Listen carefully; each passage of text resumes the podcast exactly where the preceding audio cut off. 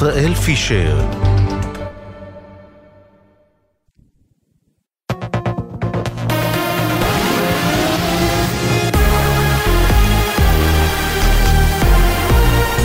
גלי צה"ל השעה שש באולפן גוני כהן עם מה שקורה עכשיו. שישה קציני צה"ל ולוחמי צה"ל שנפלו אתמול בקרבות ברצועת עזה הובאו הערב למנוחות. מלא רחמים שוכן בנעמים אלוף משנה יצחק בן בסט, מפקד חפ"ק מח"ט גולני, שנפל בקרב כשקפץ לחלץ נפגעים, הובא הערב למנוחות בבית העלמין בכפר תבור. אמו, עדנה ספדלו. גולני היה הבית שלך. אני הייתי בטוחה שיש עליך שמירה מיוחדת. להשתדל בכל מאודנו להמשיך. להמשיך במישור האישי ולהמשיך במישור הלאומי. נמשיך עד הניצחון, כי זוהי דרך חייו, וזוהי דרך חיינו. רק אני מצדיעה לך, וכמוני כל עם ישראל.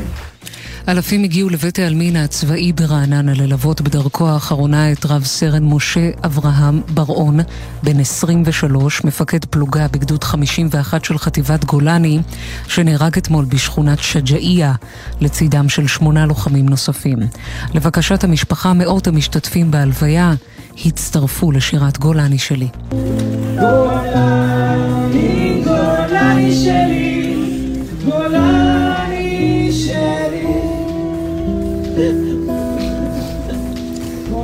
בת זוגו של משה אברהם, לואיזה, סיפרה ביומן הערב בגלי צה"ל על הגולנצ'יק שאהבה כל כך ועל המסירות שאפיינה אותו. הוא אמר לה, הוא אמר לה בשיחה האחרונה שלהם בטלפון ש... כשהוא יצא, הם רוצים שהם ילכו לבחור את הבת. בן אדם ששואף למצוינות. לא משנה מה הוא עושה בחיים שלו, לא משנה באיזה פן מקצועי. הוא תמיד רוצה להיות הכי טוב בהכל, או מתוך מטרה מסוימת, פשוט לעשות את הכל על הצד הטוב ביותר. הוא מסור. אין אדם שיכיר אותו ולא יתאהב בו.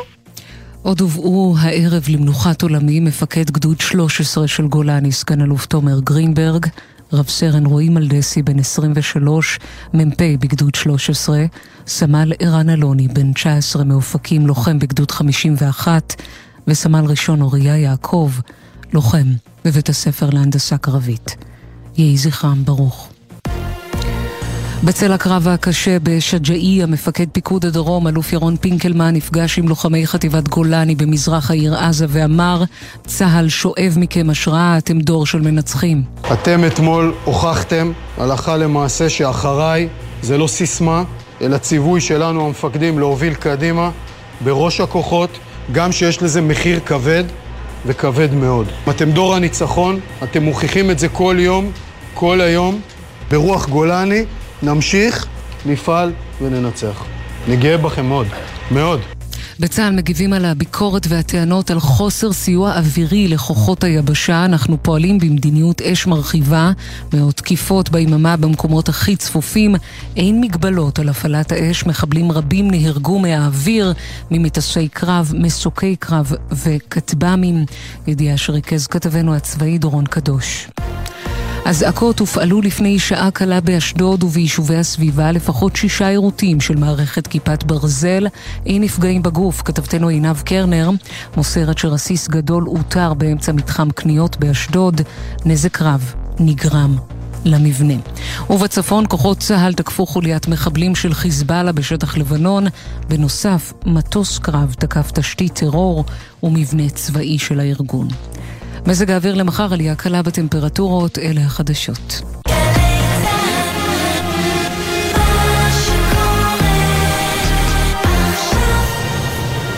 בחסות אנשור פלוס אדוונס, משקה התומך בשמירה על הכוח ועל ההגנה הטבעית. שאלו רופא או דיאטן. בחסות אוטודיפו, המציעה מצברים לרכב עד השעה תשע בערב בסניפי הרשת, כולל התקנה חינם. כי כדי להחליף מצבר, לא צריך להחליף לשעות עבודה יותר נוחות. אוטודיפו. בחסות איי דיגיטל, המציעה מקבוק Air M1 עם שנת אחריות נוספת מתנה, ו-30 ימי התנסות ללא התחייבות, מ-3,999 שקלים. איי דיגיטל, כפוף לתקנון.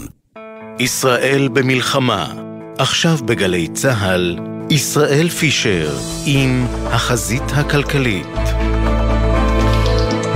שש וארבע דקות בגלי צה"ל, תודה שהצטרפתם לחזית הכלכלית. מיד נדבר גם על תקציב המדינה שעולה לדיונים במליאת הכנסת, על העלות של המילואים שמושתת על המעסיקים, גם על החלטת הקבינט החברתי-כלכלי שלא להכניס עובדים פלסטינים לישראל, והנזק של זה לחקלאות, כמובן גם על החות'ים וההשפעות של זה על פעילות הנמלים, לקראת החלטת הריבית. בארצות הברית, וגם פינתנו הקבועה מרימים לעסקים. הפעם נדבר עם בעל אה, אה, אה חנות פיצוחים יבשים ופירות יבשים בשדרות. אני ישראל פישר, אנחנו החזית הכלכלית, מתחילים. פותחים כמובן עם תקציב המדינה. שלום לך, חבר הכנסת ולדימיר בליאק, יש עתיד, חבר ועדת הכספים. שלום ישראל. אנחנו מדברים אה, היום בזמן אה, שאחרי האישור של ועדת הכספים של התקציב, לפני האישור הסופי במליאת הכנסת, באים אה, חברי הקואליציה, חברי הממשלה, ואומרים, נכון שיש בתקציב הזה גם כל מיני כספים קואליציוניים, אבל בסך הכל אנחנו מדברים על תוספת משמעותית לביטחון, למטרות חברתיות, אז מה בעצם הבעיה הגדולה בתקציב שעולה לאישור? הבעיה הגדולה שזה לא תקציב רגיל, אה, זה תקציב המלחמה. בתקציב המלחמה יש כללים מאוד מאוד פשוטים וברורים שאנחנו חייבים לרכז את כל המשאבים שלנו ולהפנות אותם לצורכי החזית והעורף, לצורכי מלחמה. וזה לא מה שקורה לצערי. הרי שר אוצר הבטיח, אה, אגב, בהתאם להמלצות של אה, נגיד בנק ישראל וקרן המטבע העולמית וכל הכלכלנים הבכירים, לקצץ לפחות 70% מהכספים הקואליציוניים, ואנחנו מדברים על 5.8 מיליארד שקל רק השנה. ובפועל הם מקצצים פחות מ-15%, אה, כמעט 5 מיליארד שקלים כספים קואליציוניים מחולקים גם במשרדים שפשוט צריך לסגור אותם, חמישה, שישה משרדים. אפשר לסגור וחובה לסגור בעת המלחמה ורק על זה אפשר לחסוך כמיליארד וחצי. במקום זה התקציבים שלהם לא רק שלא קוצצו, הם, הם, הם קפצו.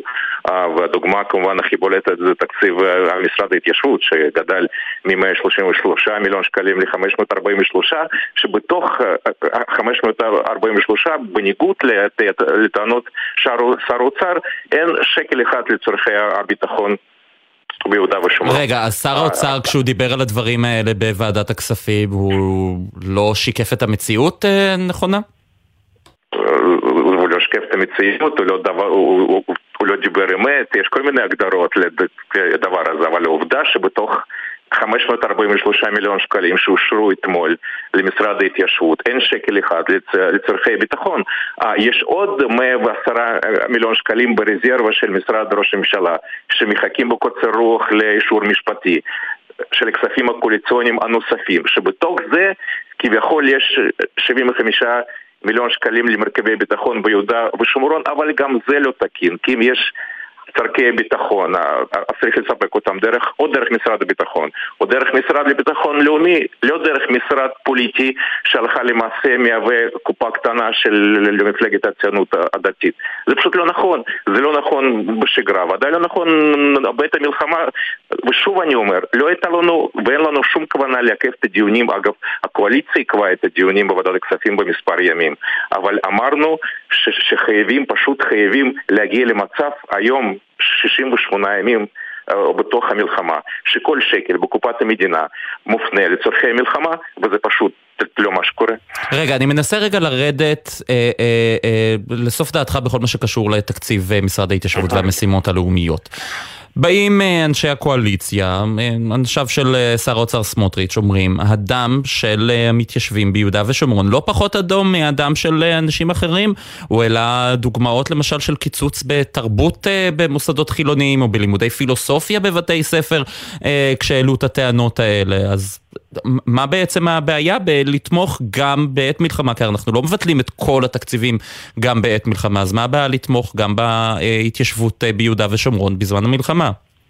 קודם כל יש תקציבים לתרבות גם ליהודה ושומרון וגם לכל שאר האזורים ברחבי הארץ וכל הטענות שלו על, על הקיצוצים של, לא, לא יודע, עשרה מיליון שקלים להבימה זה פשוט קשקוש מקושקש. אנחנו מדברים פה על משרד שהוא פוליטי, שהתקציב שלו גדל בעת המלחמה פי ארבע ואני שוב אומר, בתוך 543 מיליון שקלים שכרגע אושרו למשרד ההתיישבות, זה 98 מיליון שקלים לפרויקטים בתחום הזהות היהודית, ואנחנו יודעים שמדובר בעמותות פוליטיות המקורבות לשר האוצר. וזה 94 שקלים, 94 מיליון שקלים לחטיבה להתיישבות ו-52 מיליון שקלים לגרעינים התורניים. זה כסף פוליטי, זה כסף קואליציוני פוליטי, ואת המלחמה, זאת הטענה שלי. עכשיו, אני, אני כמובן מסכים שלכל אזרח במדינת ישראל מגיע מרכיבי ביטחון, ואם צריך לספק מרכיבי ביטחון לרשויות ביהודה ושומרון, אני הראשון שבעד, דרך משרד הביטחון או דרך משרד לביטחון לאומי, כי זה ההליך התקין במדינה מתוקנת. אבל אם לא אישרו את זה, בתוך 543 מיליון שקלים, הוא דאג לספק את הצרכים הפוליטיים של העסקנים שלו, ולא צורכי ביטחון. היום אה, אה, חבר הכנסת אה, אליהו רביבו מהליכוד, כשהוא הציג את התקציב במליאה, הוא קרא בעצם ליש עתיד להצטרף לממשלה. בעיניך זו אפשרות? אני שמעתי, אני הייתי במליאה, כן, דיברתי בדיוק אחריו. אני פשוט רואה את הדוגמה של המחנה הממלכתי, שאני קראתי היום גם לשר בני גנץ וגם לשאר חברי המחנה הממלכתי להצטרף אלינו, ולא רק להצביע נגד התקציב, אלא לצאת מהקואליציה הרעה הזאת. אני רואה שהם חלק מהקואליציה בקבינט המלחמה. והם חלק מהאופוזיציה בוועדת הכספים, אין להם באמת השפעה בחלק הכלכלי-חברתי של הממשלה וזאת הייתה אחת הסיבות למה לא נכנסנו לממשלה הזאת זה ייצור כלאיים שהוא פשוט לא עובד כמו שצריך. התקציב הזה הוא תקציב רע, הוא תקציב הרסני, הוא תקציב שאגב הוא, הוא, הוא משליך גם על תקציב 2024 ומשליך לרעה וצריך לעצור אותו ואני שוב, אני קורא לכל חבר כנסת להצביע נגד, עוד אפשר לתקן, אפשר לבטל 70% מהכספים הקואליציוניים, אפשר לסגור משרדים מיותרים, אפשר באמת להפוך את התקציב למשהו שהוא נכון בעת המלחמה, כי כרגע תקציב רע וצריך לעצור אותו. אז זהו, הזכרת את תקציב 2024. אתה, יש לך איזה שהן אינדיקציות לאן הרוח נושבת במקרה הזה? אנחנו נראה את אותם אה, אה, כספים קואליציוניים מופנים אה, למטרות פוליטיות גם בתקציב השנה הבאה? או שאתה חושב היה פה ניסיון ב-2023 לסגור את השנה עם ההעברה התקציבית הזאת כשאפשר, ובשנה הבאה בעצם באמת אה, אה, יהיה... תהיה התמקדות בצרכים האמיתיים של המשק? אני לא יודע מה הכוונות של שר האוצר, אני יודע מה צריך להיות, כי צריך, היה צריך לשנות סדרי עדיפויות גם בתקציב המתוקן של השנה וגם כמובן לשנה הבאה. מה שכן הצלחנו לעשות, הצלחנו לגרום להם להקדים את הגשת התקציב, כי הם היו מעוניינים במשרד האוצר, שר האוצר בעצם היה מעוניין אה, לדחות את אישור התקציב ל-2024, שהתקציב שאושר במאי השנה הוא פשוט לא רלוונטי וצריך לתקן אותו, אז הם אה, רצו לדחות את האישור שלו לראשון במרץ 2024, שזה כמובן פשוט לא נכון. והצלחנו במאבק אופוזיציוני לא פשוט בוועדת הכספים להקדים, הם יגישו לכנסת את התקציב המתוקן ל-2024 עד 19 בינואר. זה יהיה תקציב לא פשוט, מאתגר מאוד, אנחנו רואים שעלויות המלחמה לא פחותות, לפי הערכות האחרונות של בנק ישראל הן עלולות להגיע גם ל-190 מיליארד שקל, באוצר יצטרכו לספק פתרונות, וכמובן הפתרון הראשון זה קודם כל לנצל את כל המשאבים שיש לנו בתקציב, אנחנו מדברים בשנה הבאה על, על כספים קואליציוניים בסביבות 8 מיליארד שקלים, קודם כל צריך לקצץ אותם ואז נראה. אתה חושב שיצטרכו להעלות מיסים פה? אני מאוד מקווה שלא, אה, אבל אה, אני שומע כל מיני הצהרות, שמענו אתמול את הרעיון המופלא של השרה סטרוק אה, לקצץ בכיסים השמנים של קציני המילואים. לא, היא אחר כך גם הבהירה את הדברים שהיא מדברת על הפנסיות של אנשי הקבע, הוותיקים, ולא באמת של הקצינים שמשרתים כרגע לא במילואים.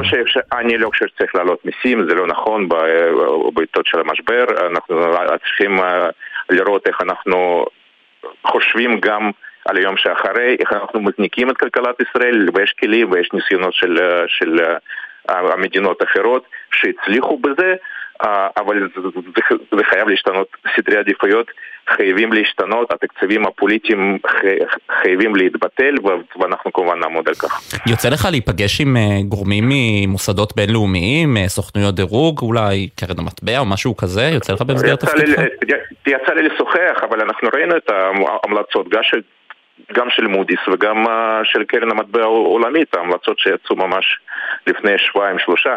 וגם הם מזהירים שפיזור לא, לא מבוקר של, של הכספים ומדיניות פיסקלית לא אחראית, היא, תקשה על יציאה מהמשבר. על זה אנחנו צריכים לחשוב כבר היום בהסתכלות קדימה ל-2024, כי אנחנו עלולים לקבל פה עשור אבוד לכלכלת ישראל וזה מאוד מאוד מסוכן וזה ישפיע גם על רמת החיים. אנחנו חייבים גם לחשוב על הצמיחה ובמקביל לנהל מדיניות פיסקלית אחראית. חבר הכנסת ולדימיר בליאק מיש עתיד, חבר ועדת הכספים, תודה רבה לך, ערב טוב. תודה רבה, בשורות טובות.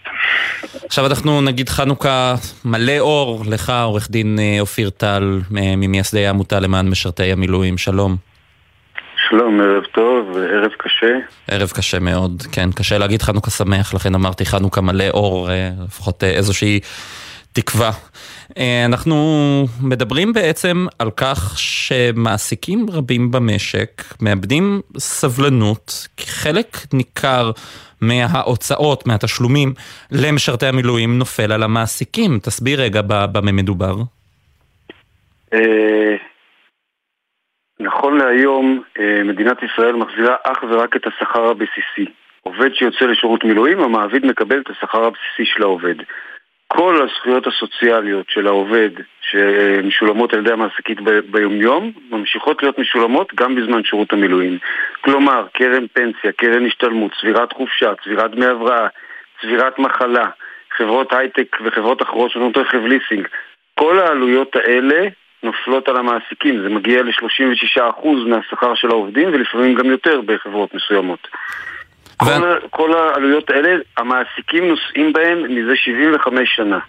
כלומר, בעצם את, את החלק המרכזי של השכר, מקומות העבודה מקבלים מהביטוח הלאומי והן, ממש, ומקומות העבודה ממשיכים אה, לשלם את המשכורת כרגיל לעובד למרות שהוא לא נמצא בעבודה, הוא בשירות מילואים, זה חשוב מאוד, אבל את כל התוספות, הדברים הנוספים, הם בעצם משלמים מהכיס שלהם בלי שהמדינה נותנת להם איזשהו שיפוי על כך. אמת, נכון. אה, ומדובר בעלויות כבדות מאוד. אם תיקח חברת הייטק עם אה, ממוצע שכר גבוה, שחלק גדול מעובדיה הצעירים נמצאים במילואים היום, העלויות יכולות להיות מאות אלפי שקלים וגם יותר מזה בחודש. עכשיו, מה ניתן בעצם לעשות? אתה, אתה, אתה יודע, אתה, אתה, יש פה איזו קריאה למדינה להשתתף בעלויות הזה, להצטרף למאמץ של אותן חברות? העמותה פועלת כבר מספר שנים בניסיון לשנות את החקיקה בנושא הזה, את חוק הביטוח הלאומי. Uh, גם הוגשה הצעת חוק על ידי השדולה, על ידי אלון שוסטר, חבר הכנסת אלון שוסטר מהשדולה בכנסת הקודמת, uh, והיא נגנזה. Uh, בוועדת העבודה והרווחה התקיימו שני דיונים שניתנה בהם דרישה חד משמעית למשרד האוצר לבוא עם תוכנית ועם פתרון. הם לא הגיעו עם פתרון, וסוכם על ידי יושב ראש הוועדה, חבר הכנסת אייכלר, שתוגש הצעת חוק שתגובש, אנחנו ממתינים להצעת החוק הזאתי ואני רוצה להוסיף, חשוב להבין, כשעובד יוצא למילואים, אה, המעסיק לא מפסיד אה, או לא מממן רק את השכר המעסיק מפסיד את כל העבודה של אותו עובד. על זה אנחנו לא מדברים, על הפסד הרווח שיש מאותו עובד. אנחנו מדברים אך ורק על החזר הוצאות, זה הכל. זה מה שמתבקש מהמדינה. ואני אומר, אנחנו בתקופה שבה העובדים נמצאים למעלה מחודשיים במילואים, חלקם, אני יכול להגיד לך, מהעסק שלי, שיש לנו עובדים שהם מעל חודשיים במילואים. לא מדובר בחודש, בשבועיים, בתעסוקה פעם בשלוש שנים. מדובר במספר מאוד גבוה של עובדים שנמצאים תקופה ממושכת. זאת עלות שקשה מאוד לשאת בה. אם ביומיום המעסיקים עוד יכלו להבליג, לנשוך שפתיים ולהמשיך הלאה, היום זה כבר כמעט בלתי אפשרי, והחשש הגדול שלנו זה שמעסיקים שנקלעים למצוקה יבואו חשבון עם חיילי המילואים. והמשמעות תהיה אי שכירת חיילי מילואים בעתיד, הוצאה לחל"ת ותופעות שאנחנו כבר היום רואים אותן. אבל החוק אמור אה, להגן על חיילי המילואים. רק אני אגיד שלפי חישוב שעשו בדה מרקר היום, העלות של התשלומים הסוציאליים למילואימניקים היא לכל הפחות 130 מיליון שקלים בחודש, זה רק בתעשיית ההייטק. אה, אבל רגע נחזור לנושא, החוק אמור להגן על אותם חיילי מילואים, שאסור אה, להפלות חייל מילואים. בהחלט. בהחלט, וכאשר תבוא לראיון ותגיד שאתה מ"פ מילואים בגבעתי או במקום אחר, אה, המעסיק ישמור את זה בלב וימצא סיבה אחרת מדוע הוא בחר מישהו שלא עושה מילואים על פניך. לא, זאת לא בעיה מאוד גדולה. אנחנו לא רוצים שהנושא הזה בכלל יעמוד כשיקול.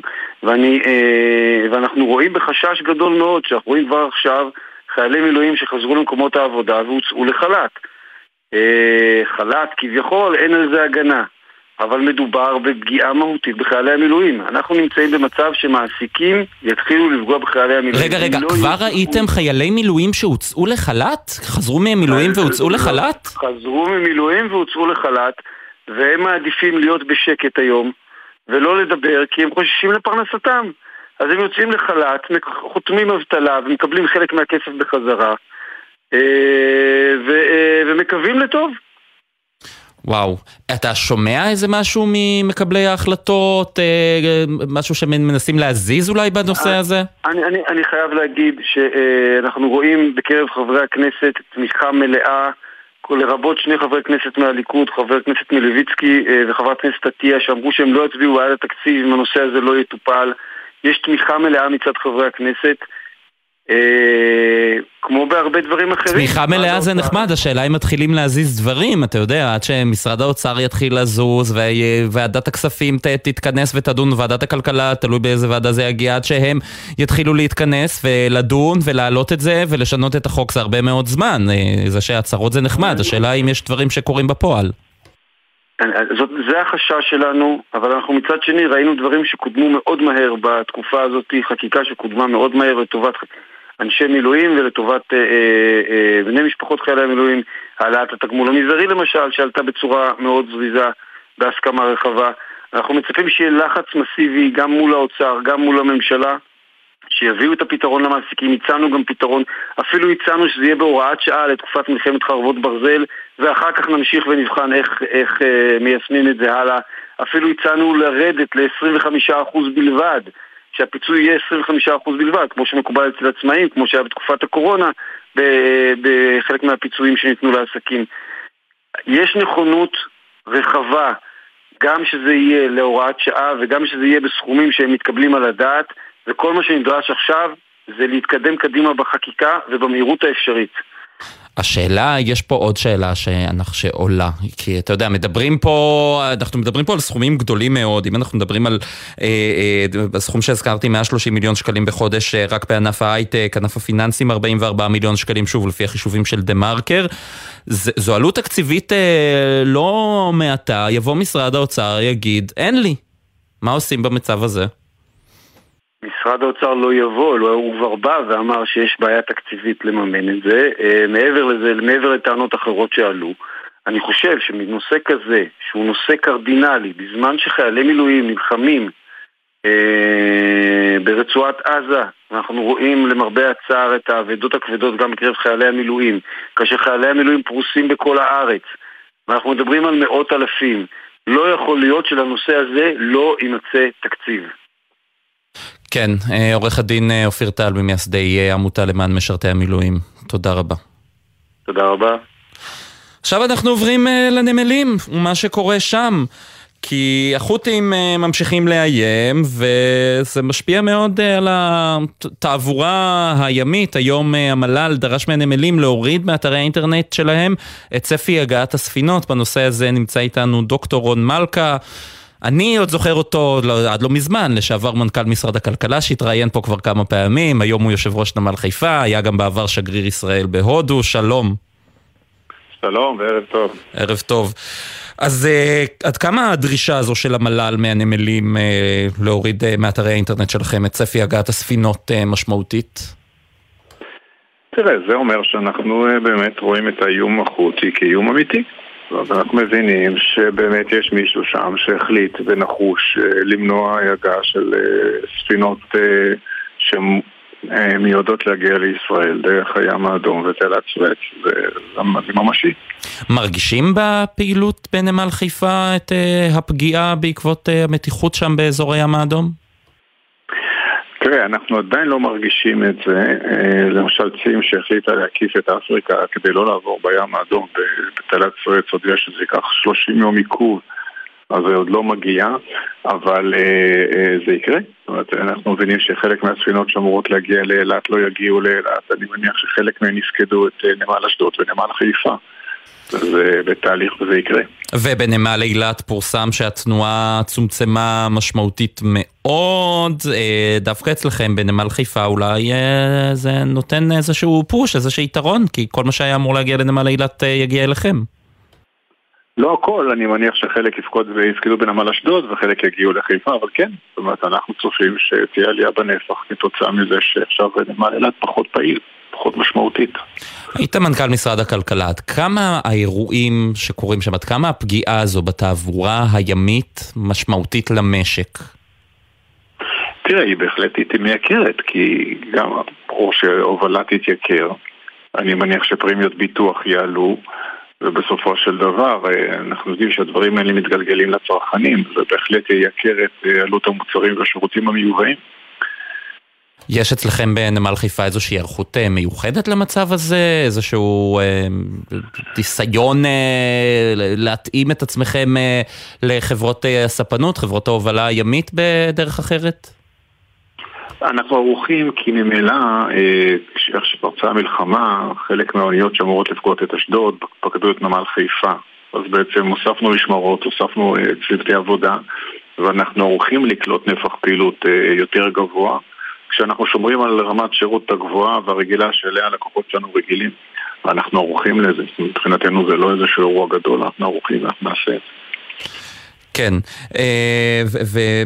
וצריך גם להגיד שכל מה שקשור לתנועה ימית זה לאו, אנחנו לא מדברים רק על אונייה שנוסעת מנקודה A לנקודה B, אלא גם אוניות שבעצם עושות חלק ממסלול שהוא משולב, וגם פה יש פגיעה בעצם בתוכניות של חברות ההובלה הימית. נכון מאוד, נכון מאוד. אוניות עוצרות במספר תחנות מעמיסות, פורקות, אה, כמו אה, קו אוטובוס כזה שעוצר בכמה תחנות, מוריד, מעלה. אתה לחלוטין צודק, וזה בהחלט פוגע בקווי אספקה. אני יכול בהזדמנות הזאת להגיד שזה מחדד את הצורך בקווי אספקה אלטרנטיביים. אותו אה, פרוזדור יבשתי שהנשיא ביידן הצהיר עליו בכינוס האחרון של ה-J20 בדלהי. בדיוק מדבר על זה, על הצורך ליצור דרכים אלטרנטיביות, למקרה שדרכים אה, מסוימות לא יספקו את הצורך ואת הביקוש. מה זה אומר נתיב סחר חלופי? איזה נתיב כזה יכול להיות? אז האיימק, אותה בשורה שאיתה הגיע אה, הנשיא ביידן לכינוס של ה-G20 האחרון, זה ראשי תיבות של אינדיה, מידל איסט, יורופ קורידור. זה בעצם איזשהו מסדרון של אה, ציוניות שיוצא מהודו לאמירויות, שזה קורה כל יום דרך אגב, ומהאמירויות על הקרקע, ביבשה, אם דרך משאיות או בעתיד רכבת, ניתן יהיה דרך ערב הסעודית ירדן, נמל חיפה, להגיע לאירופה. זה שינוי משמעותי באספקה העולמית, כי בעצם זה יקצר את משך האספקה מהודו למערב, לאירופה, בין 14 ל-16 יום. זה מאוד משמעותי, כי זה יאפשר לסחורה טרייה שמיוצרת בהודו להגיע לאירופה. אני זוכר כשגריר, הייתי קונה אננס, טרי, בשל, מצוין, עסיסי, בהודו בחצי שקל, שקל. חצי שקל אננס, וואו. בין חצי שקל לשקל, שקל שזה היה יקר. וואו.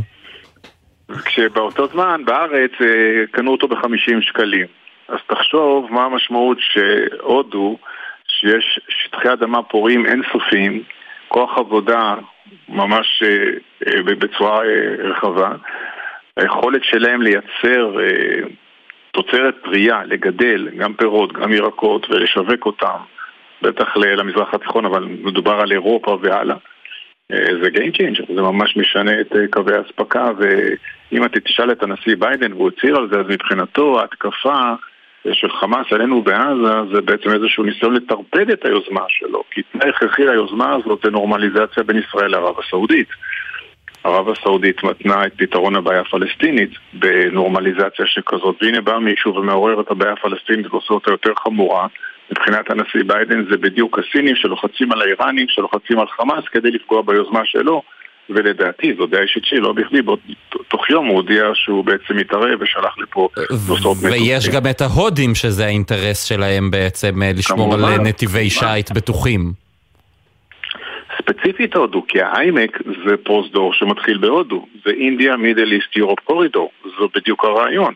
גם ההודים מרגישים שזה נגדם, בעצם נעשה נגדם כדי לטרפד את היוזמה הזאת שלהם, שדרך אגב היא איזשהו קונטרה ליוזמה הסינית, ה-BRI, ה-Belt and Road Initiative, הסינים התחילו באיזושהי יוזמה גלובלית של לפרוס קווי אספקה שיוצאים מסין וחוזרים מסין סביב כל העולם, קוראים לזה Belt and Road Initiative. וכאלטרנטיבה לזה באו האמריקאים וההודים והכריזו על האיימק, על האינדיה מידל איסט יורופ קורידור. והנה ההתקפה הזאת של החמאס בראייתם, גם של האמריקאים וגם של ההודים, באה לטרפד את היוזמה הזאת. כן. עכשיו אה, לסיום אני רוצה לשאול אותך בתור אה, מנכ"ל אה, משרד הכלכלה לשעבר, כשאתה רואה בעצם את מתווה הפיצויים לעסקים אה, ולמשק, אנחנו שומעים הרבה מאוד טענות גם של התעשיינים אה, על אה, בעיות בעצם במתן סיוע למפעלים גדולים, וגם של חברות קטנות, של מעסיקים קטנים יותר. אתה חושב שמה שעושה הממשלה בשלב הנוכחי מספק? אני חושב שהדברים האלה לוקחים זמן, לוקח, אני חושב שלכולנו לוקח זמן להבין את גודל האירוע.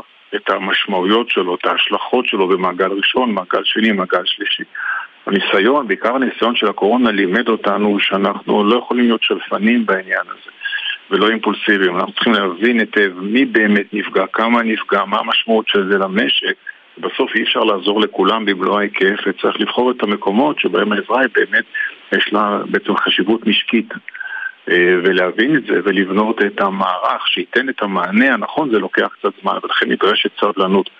אני מתרשם שנעשה מאמץ, אני חושב שכמו שאתה אומר בצדק הוא עדיין לא בא לידי ביטוי וזה לוקח קצת יותר זמן, אבל גם אני מבין שלוקח זמן להבין את המשמעות של מה שקרה. דוקטור רון מלכה, יושב ראש תמ"ל חיפה, תודה רבה לך וערב טוב. תודה וערב טוב למאזינים. תודה. חצי דקה של הודעות ומיד אנחנו חוזרים. אתם מאזינים לגלי צה"ל. עמיתי מועדון חבר, ימים אחרונים להטבות בלעדיות רק לכם על מותגי הרכב של פריסבי. רנו, ניסן, אינפיניטי, ויזי וצ'רי, עכשיו בכל אולמות התצוגה עד 15 בדצמבר. לפרטים, כוכבית 6020, או באתר מועדון חבר. ותקווה לימים שקטים יותר במהרה. זה הכל בשבילך. חבר. עכשיו בגלי צה"ל, ישראל פישר עם החזית הכלכלית. חזרנו אליכם ועכשיו אה, עוברים לחקלאות. אה, הקבינט הביטחוני, המדיני-ביטחוני, החליט שלא להכניס אה, עובדים זרים, ובענף החקלאות, עובדים זרים, עובדים פלסטינים מיהודה ושומרון, ובענף החקלאות חוששים מאוד מההשלכות של זה. איתנו אורי דורמן, מזכ"ל התאחדות חקלאי ישראל, שלום. שלום וערב טוב. עד כמה ההחלטה הזו שלא להכניס עובדים פלסטינים מיהודה ושומרון פוגעת באמת בענף החקלאות? פוגעת אה, בצורה חמורה ביותר, אה, כי יש אה, חקלאים רבים שהעבודה אצלם במשקים הייתה באמצעות עובדים מיהודה ושומרון ואין להם, המשקים שלהם לא מבוססים על עבודה של עובדים זרים ולכן החקלאים האלה, שזה בעיקר חקלאים מהמשק המשפחתי, נמצאים בפני שוקת שבורה, כי יש עבודות אה, עונתיות שלא מחכות, צריך לעשות אותן. חקלאות זה לא אה, אקורדיון שאפשר לפתוח ולסגור.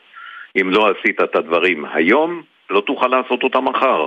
זה לא אה, כמו ענפים רגילים, זה לא סטארט-אפ שאתה יכול לסגור אותו ועוד חודש לפתוח אותו. ואם צריך היום לקטוף אה, הדרים, אז צריך לקטוף את ההדרים. ואם אין ידיים עובדות שעשו את העבודה הזאת, וזה בעיקר אה, עובדים מיהודה ושומרון, אז הפרי אה, פשוט ייפול על הרצפה וילך. ואם צריך היום לגזום את המטעים הנשירים, צריך לגזום אותם היום. מחר כבר זה לא, זה לא ייתן שום דבר וזה יפגע בעונה הבאה.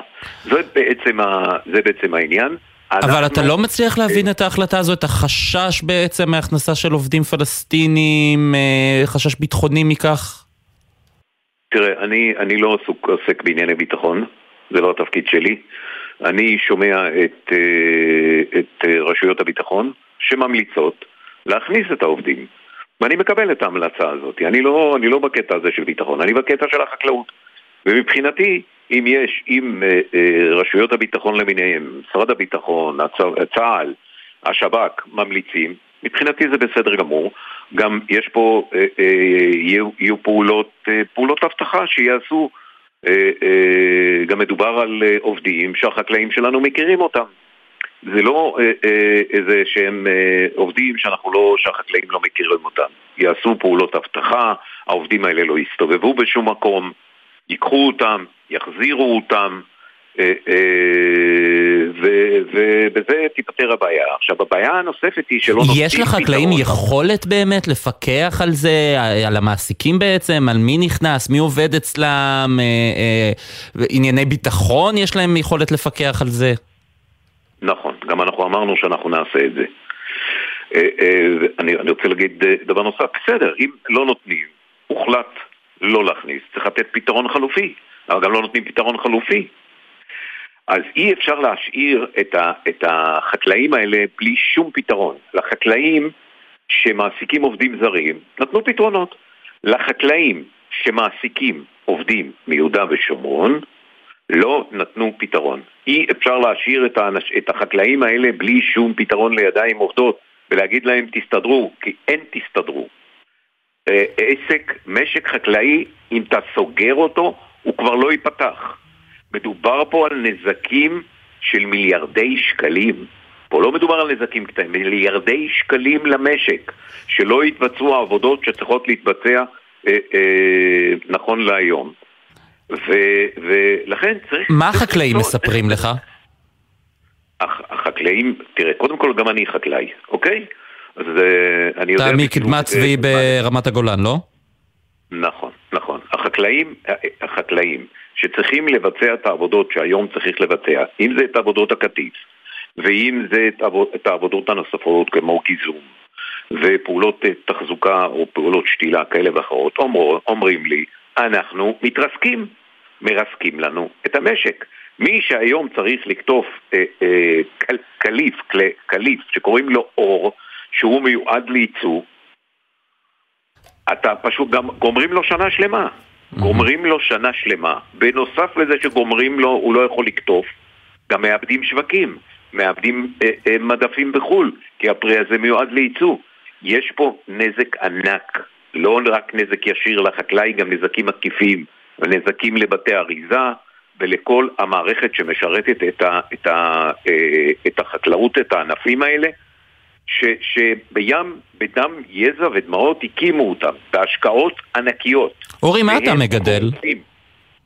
אני מגדל אגסים ותפוחים. מה מצב הענף הזה עכשיו, האגסים והתפוחים? רע מאוד. למה? אין- בגלל מחסור בעובדים? גם לך אין עובדים? לא, לא, לא. דווקא לי, למה? לי דווקא המצב של הענפים, שני הענפים האלה רע מאוד, בגלל המדיניות של פתיחת היבוא והסרת המכסים. אה, אה, כאשר בעצם הפרי שנכנס, אה, הפרי הזה שנכנס לארץ, נכנס במחירים שהם נמוכים מעלויות הייצור שלנו. אבל זה לא טעים תפוח שלא גדל בארץ, סליחה, הוא קמחי כזה, לא לא יודע, משהו בו לא לא מסתדר לי תפוחים מחו"ל. נכון, אבל אנחנו, נכון, אתה צודק במאה אחוז, התפוח הישראלי הרבה יותר טעים. ו, אה, אבל המדיניות, התפיסה שהייתה, שאני מקווה שהיא נגמרה ושהיא לא תהיה יותר, התפיסה שאת ביטחון המזון של, מדינה, של מדינת ישראל אפשר לבסס על יבוא באמצעות, וזה באמצעות הורדת מכסים, אה, אה, הדבר הזה יתעסק. כאשר הסיבה לכך הייתה נוריד את יוקר המחיה, אבל יוקר המחיה לא ירד.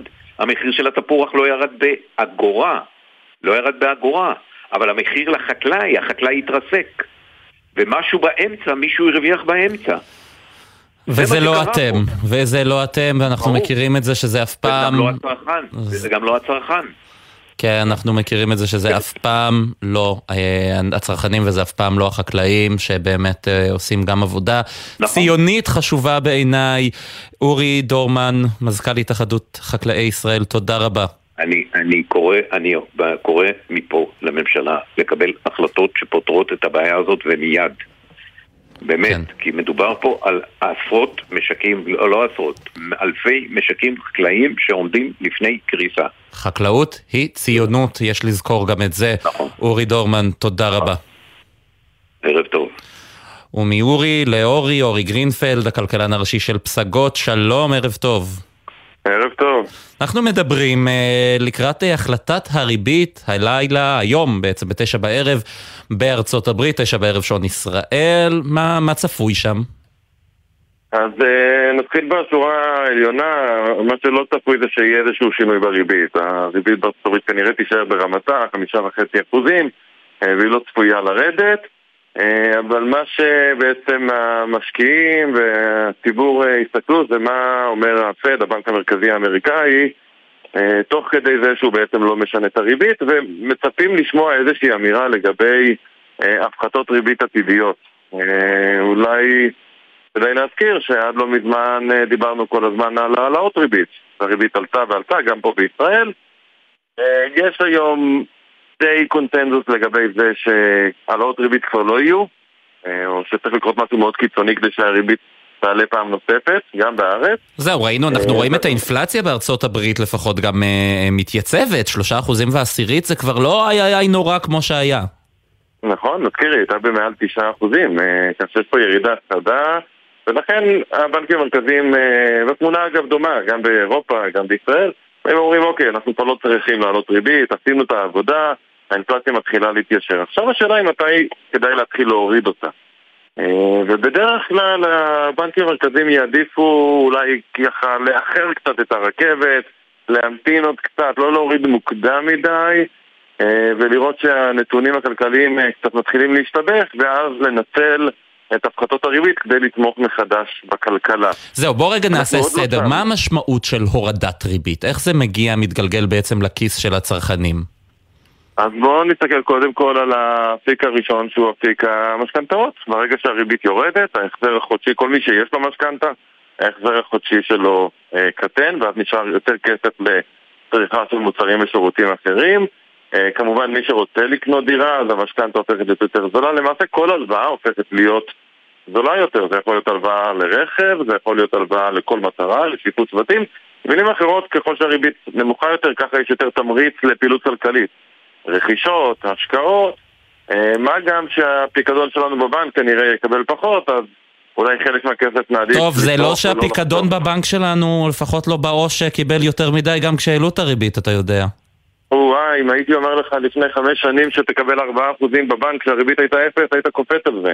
אתה יודע, אני זוכר את אה, הימים שאנשים שזכו בלוטו אמרו, אני שם את הכסף בבנק וחי מהריבית. זה כבר לא קורה. כן. אז אה, בשנה האחרונה הייתה לנו באמת הריבית גם פה בארץ אה, יחסית גבוהה, ראינו פתרונות ב-4, 4.5 אחוזים. ככל שהריבית תרד בארצות הברית או בישראל, אז כמובן גם אה, הריבית על הפיקדון בבנק תרד חזרה, ואולי יהיה פחות תמריץ לחסוך ויותר תמריץ להוציא את הכסף.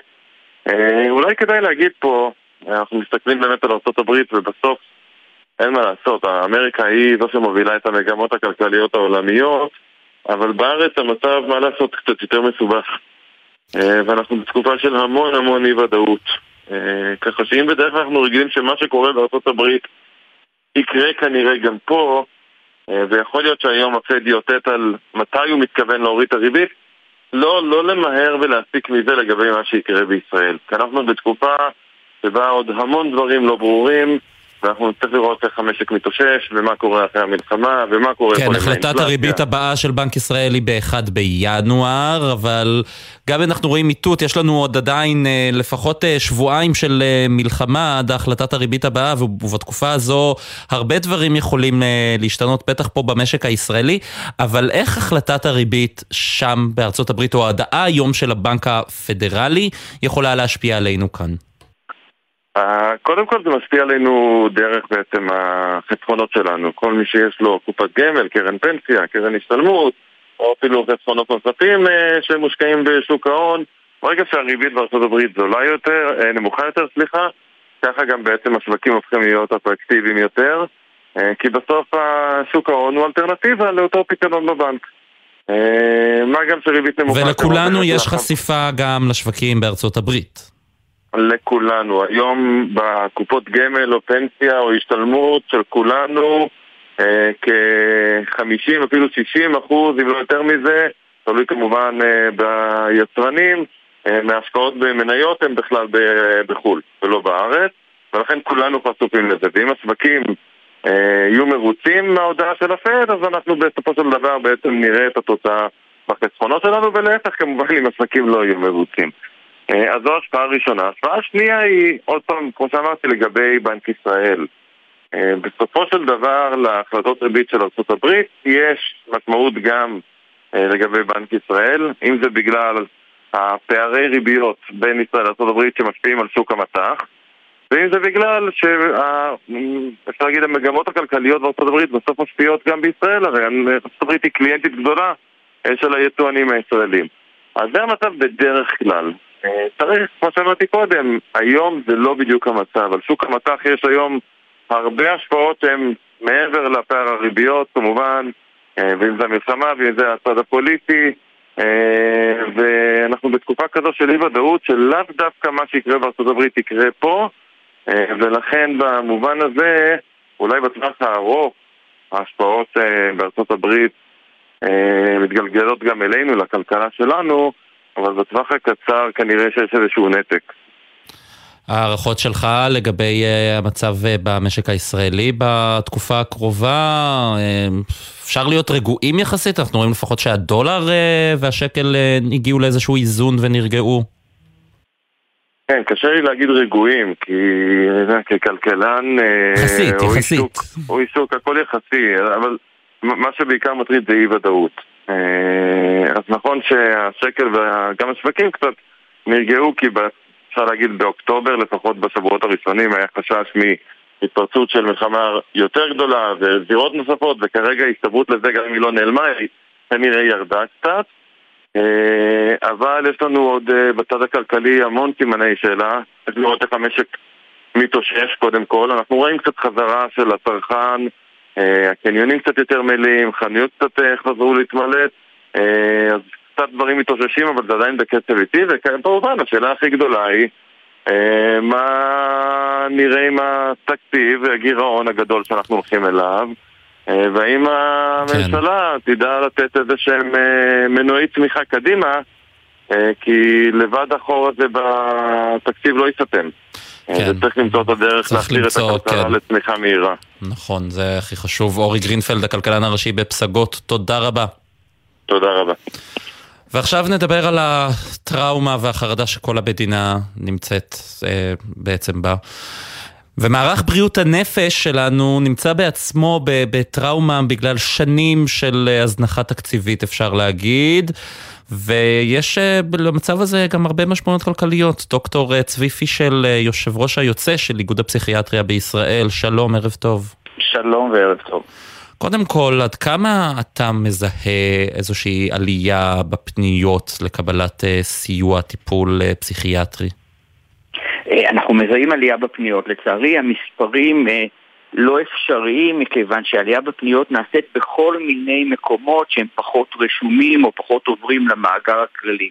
אבל כל מרפאה פסיכיאטרית, כל חדר מיון פסיכיאטרי, כל מדע, חדר מיון של בית חולים כללי רואה יותר ויותר אנשים שבאים עם סיפור של טראומה, עם סיפור של חרדות, עם סיפור של מצוקה נפשית בעקבות אירועי המלחמה. אני לא מכניס לתוך זה את, המק... את, ה... את מרכזי המפונים שאליהם פונים ושם יש מרכזים ואנשים שמתנדבים ואנשים של בתי חולים ואנשים של, של הקופות ש... שגם הם נמצאים בתוך המעגל הזה והם בעצם הסובלים העיקריים כמובן. מה, אנחנו, אנחנו מדינה על קלונקס וציפרלקס עכשיו? אני מקווה שאנחנו לא מדינה על קלונקס, קודם כל כי קלונקס זה דבר ממכר שאנחנו רוצים להמעיט בשימוש בו. אבל בהחלט כן, אנחנו רואים, אתה, אתה קלטת נכון, לשתי התרופות שיש עלייה מאוד גדולה בשימוש בהן, ואנחנו רואים שהרבה מאוד אנשים פונים לרופאים ומבקשים משהו לעזרה ומקבלים אה, כתרופות הרגעה את הקלונקס, וכתרופה קצת יותר אה, ממושכת להפרעות חרדה מקבלים ציפרלקס ודומיו. כמה עולות תרופות כאלה? כמה בעצם יוצא, ל, ל, אתה יודע, למבוטח בקופת חולים שמקבל תרופות כאלה? זה עלות משמעותית? לא, לא, לא. המחיר למבוטח הוא קטן מאוד, התרופות, קלונקס נמצאת ב, ב, זה, זה בפרוטות, ציפרלקס אולי בעשרות שקלים. אם אין לך את הביטוח המשלים. זה מצחיק, ציפרלקס, אחת התרופות שכולם יכולים, יודעים להגיד את השם שלה והם מקושרים אליה והרבה מאוד אנשים משתמשים, לא נמצאת בסל התרופות ב... במעגל הראשון, אלא רק במשלים. באמת? ציפרלקס רק במשלים? לא במעגל הראשון? זו תרופה מאוד נפוצה, הרבה אנשים משתמשים בה. נכון, תרופה מאוד נפוצה. ואני חושב שחלק מהבעייתיות של האישור של התרופות, של סל, של סל התרופות בנושא הפסיכיאטרי, זה שלפעמים מעדיפים להשאיר אותם בתור, אה, אה, בביטוחים המשלימים, מה שכנראה לא, לא מפריע לאנשים שיש, שידם משגת, אבל דווקא לאנשים מהפריפריה ואנשים עם פחות כסף שאין להם ביטוחים משלימים, להם זה יותר קשה והם פחות יכולים להשתמש בזה. אפשר להוסיף כדוגמה גם למשל את התרופות להפרעות קשב וריכוז למבוגרים שלא נמצאות אלא, אלא, אלא במשלים. זה, זה אבסורד שמדינת ישראל משלימה איתו שנים. כן, ומה אנחנו עכשיו, תוך, תוך כדי שאנחנו מדברים, אני מגיעה הודעה משותפת למשרד האוצר, משרד הבריאות וההסתדרות, על מתווה מענקים לפסיכולוגיות ולפסיכולוגים במערכת הבריאות הציבורית. אנחנו יודעים, אה, תכף אני אברר מה בדיוק הפרטים של המתווה הזה, אבל אנחנו יודעים שהמערכת הבריאות הציבורית, בטח מערכת בריאות הנפש הציבורית, סובלת מהזנחה קשה מאוד. הרבה מאוד שנים. מה, מה המצב כיום? מה הצרכים כיום? אנחנו זועקים שנים קודם כל שיש אפליה והזנחה מאוד גדולה של מערכת אה, בריאות הנפש. במדינת ישראל נותנים בממוצע 4% מתקציב הבריאות לבריאות הנפש. ה-WHO הגדיר שבמדינות המפותחות שאנחנו רוצים להימנות איתן, לפחות 10% מתקציב הבריאות ילכו לבריאות הנפש. קח את ההבדל הזה כפול מתקציב בריאות הנפש שהיה צריך לבוא לבריאות הנפש במשך 75 שנים. אז uh, תעשה את המכפלות האלה ותראה, אז תראה את ההזנחה בכוח אדם, ותראה את ההזנחה בבתי החולים, ותראה את ההזנחה במרפאות ובשירותי השיקום ובכל השירותים האפשריים שאנחנו רוצים לפתח ושאי אפשר לפתח, כי אין כסף לזה. הידיעה שאתה אמרת עכשיו היא בדיוק ניסיון אה, לתקן עוול שנעשה שנים של משכורת רעב לאנשים, לפסיכולוגים, לעובדים סוציאליים, מרפאות בעיסוק וכולי, אנשים שעובדים במערכת הציבורית, אבל בגלל המשכורת המגוחכת הזאת, הם גומרים את החובות שלהם והולכים מחוצה למערכת הפרטית. אנחנו לא מצפים כמובן שהמערכת הציבורית תיתן את אותה משכורת. את אותו שכר כמו שבמערכת הפרטית, אבל ההבדלים או השכר המעליב שהם מקבלים בוודאי לא משאירים אותם. אז עכשיו משרד הבריאות מנסה להביא לעלייה במשכורת שלהם כדי שנוכל בגלל המלחמה, בגלל הצורך הגדול, להחזיר אנשים מהשירות הפרטי לשירות הציבורי. אני חייב לומר שאם הם לא יעשו את זה, אז המשבר הבא יקרה לפסיכיאטריה. שהפסיכיאטרים יעזבו את, את, את המערכת הציבורית בגלל המשכורות ה... כבר, זאת אומרת, גם אנחנו מדברים פסיכיאטרים על רופאים, ונכון שיש תדמית שרופאים מרוויחים הרבה מאוד, אבל צריך להגיד שהשכר של רופאים בתחום הפסיכיאטריה הוא נמוך מאוד כיום. בטח ביחס מאוד... למקצועות אחרים ברפואה.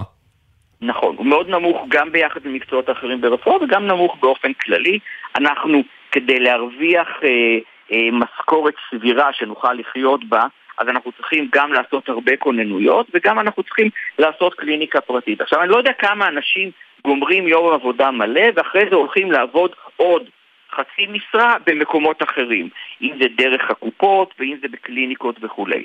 זה נכון שהשכר בקליניקה הוא בסדר, אבל אני שמנהל מחלקה סגורה, אני לא רוצה להצטרך ללכת אה, בסוף, בסוף יום עבודה של מאמץ ולעבוד עוד כמה שעות עם מטופלים שידם משגת אה, לשלם. אני באמת חושב שמי שרוצה ללכת למערכת הפרטית ילך למערכת הפרטית, אנחנו לא רוצים להכריח אנשים שבגלל התורים האינסופיים יצטרכו להוציא את הפרוטות האחרונות שלהם כדי לראות פסיכיאטר או, או, או פסיכולוג כי אין, להם, כי אין להם תורים במערכת הציבורית. יש לך הערכה כמה כסף אה, צריך, אה, אה, דרוש למערכת? תראה, צריך להכפיל את, את, את, תקציב אה, בריאות הנפש. אם תקציב בריאות הנפש אה, אה, מהווה משהו כמו שניים וחצי מיליארד שקלים, נגיד משהו כזה, תכפיל אותו. תכפיל אותו. עכשיו, ברור שחלק מהדברים זה לא לעכשיו, וחלק מהדברים זה בתוכנית יותר רחבה, אבל אני חושב שכבר הגיע הזמן. אנחנו הולכים מקטסטרופה לקטסטרופה במדינת ישראל. דיברנו על זה לפני הקורונה, דיברנו על זה בקורונה, דיברנו על זה בהפיכה המשפטית, ואנחנו מדברים על זה עכשיו אה, אה, במלחמה. הגיע הזמן שראש הממשלה בכבודו ובעצמו יצהיר שאנחנו מדברים על עידן הנפש. כי החוסן של מדינת ישראל, כמו שאנחנו דואגים לצבא, החוסן של מדינת ישראל היא הנפש שלנו. ואם אנשים לא יכולים אה, להתמודד עם המצוקות האלה ומציפים את המרפאות ואת בתי החולים, אז אין לנו חוסן. כן. החוסן שלנו צריך להתגבר, החוסן שלנו צריך להתגבר ברמה הטיפולית, אבל בעיקר ברמה המניעתית.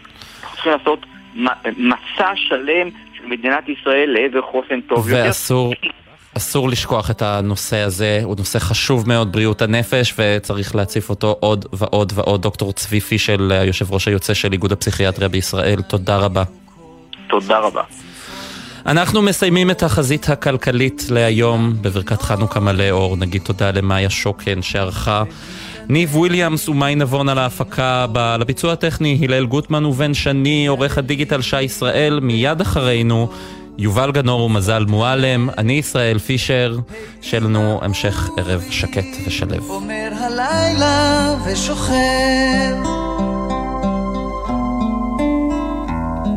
הלילה הזה שום סימן הוא לא נותן הוא מעוור, הוא מכוון את התנועה בשלל גחליליות הוא מספר מעשיות והוא חושב שילדים מאמינים לזה מן לילה שכזה, כזה.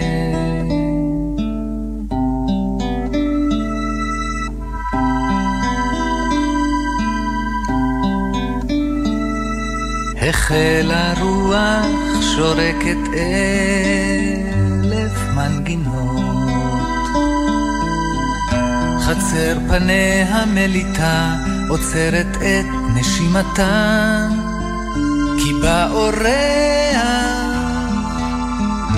הסהר מעגל את פיו, במין חיוך כל כך חביב, ומסתרק אתה קרח, אומר הלילה וצוחק. הלילה הזה, שום סימן הוא לא נותן, הוא מעוור, הוא מכוון את התנועה בשלל גחליליות, הוא מספר מעשיות. והוא חושב שילדים מאמינים לזה מלילה שכזה, כזה.